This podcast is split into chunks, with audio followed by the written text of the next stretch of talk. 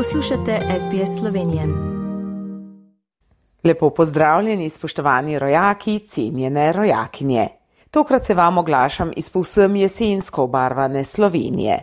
Pa ne toliko po barvah pokrajine, le temperature so se spustile v zadnjih dneh krepko pod 20, čez dan in ustrajajo okoli 10 stopinj, tako po dnevi kot po noči, ko se še nekoliko spustijo. Poleg nizkih temperatur pa nas te dni pere še dež v velikih količinah. Pa poglejmo podrobnosti.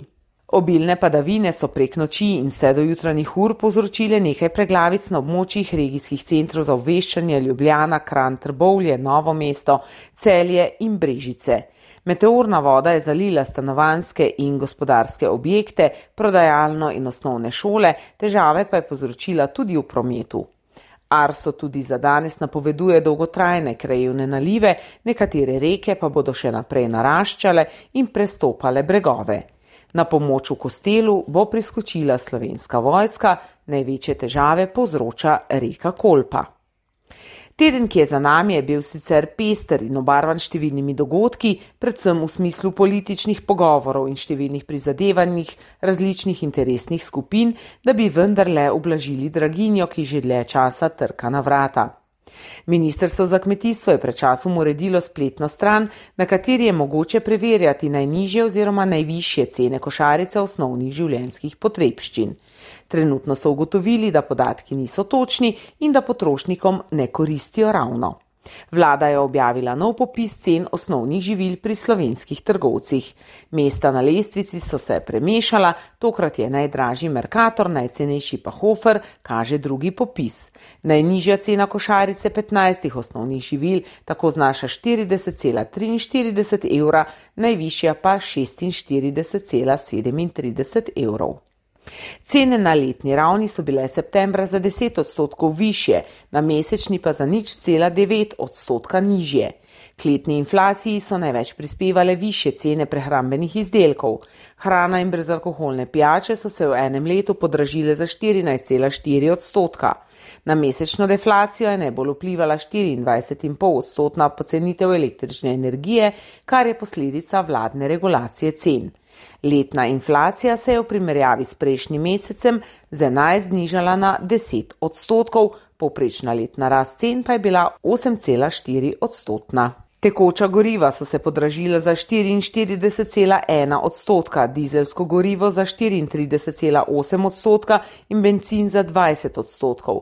Za 13 odstotkov više cene stanovanske in gospodinske opreme ter tekočega vzdrževanja stanovanj so letni indeks dvignile za nič cela 9 odstotne točke.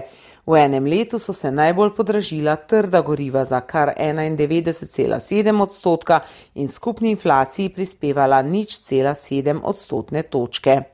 Državni zbor je končal tudi razpravo o predlogu rebalansa letošnjega proračuna.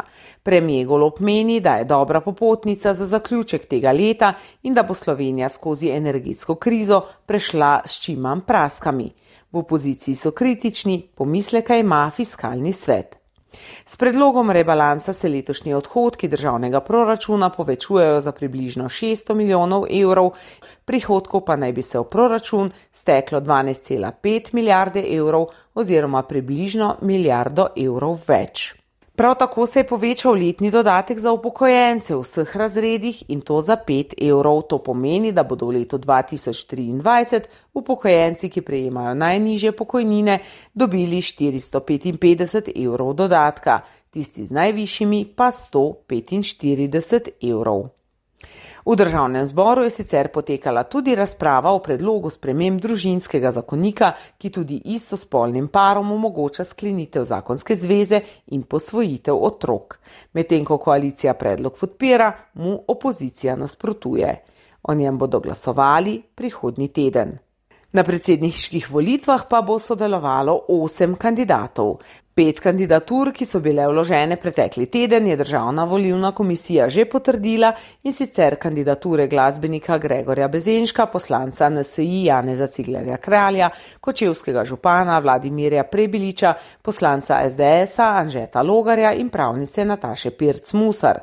V ponedeljek sta kandidaturi vložila še evropski poslanec Milan Brgles ter poslanec Levice Miha Kordiš, v sredo pa še ginekologinja Sabina Senčar. Žereb vrstnega reda kandidatur bo izveden v torek 4. oktobra, s tem bo tudi določen seznam kandidatov, kot bo zapisan na glasovnicah 23. oktobra, ko bo potekal prvi krok predsedniških volitev. Ob tem pa se že odvijajo tudi aktivnosti v zvezi z lokalnimi volitvami. Pripravljajo se že številni kandidati za župane in občinske svetnike. Jesen bo torej še pestra in barvita v vseh pogledih. Prihodni teden bodo temperature menda nekoliko više, s tem pa verjetno tudi uročica vsega ostalega dogajanja. Verjamem, da se tudi pri vas temperature dvigajo, z vami pa sem tokratne temperature delila avtorica današnjih novic iz Slovenije, Katarina Valentar. Želite slišati sorodne zgodbe? Prisluhnite jim preko Apple ali Google podcasta, preko aplikacije Spotify ali kjerkoli drugje.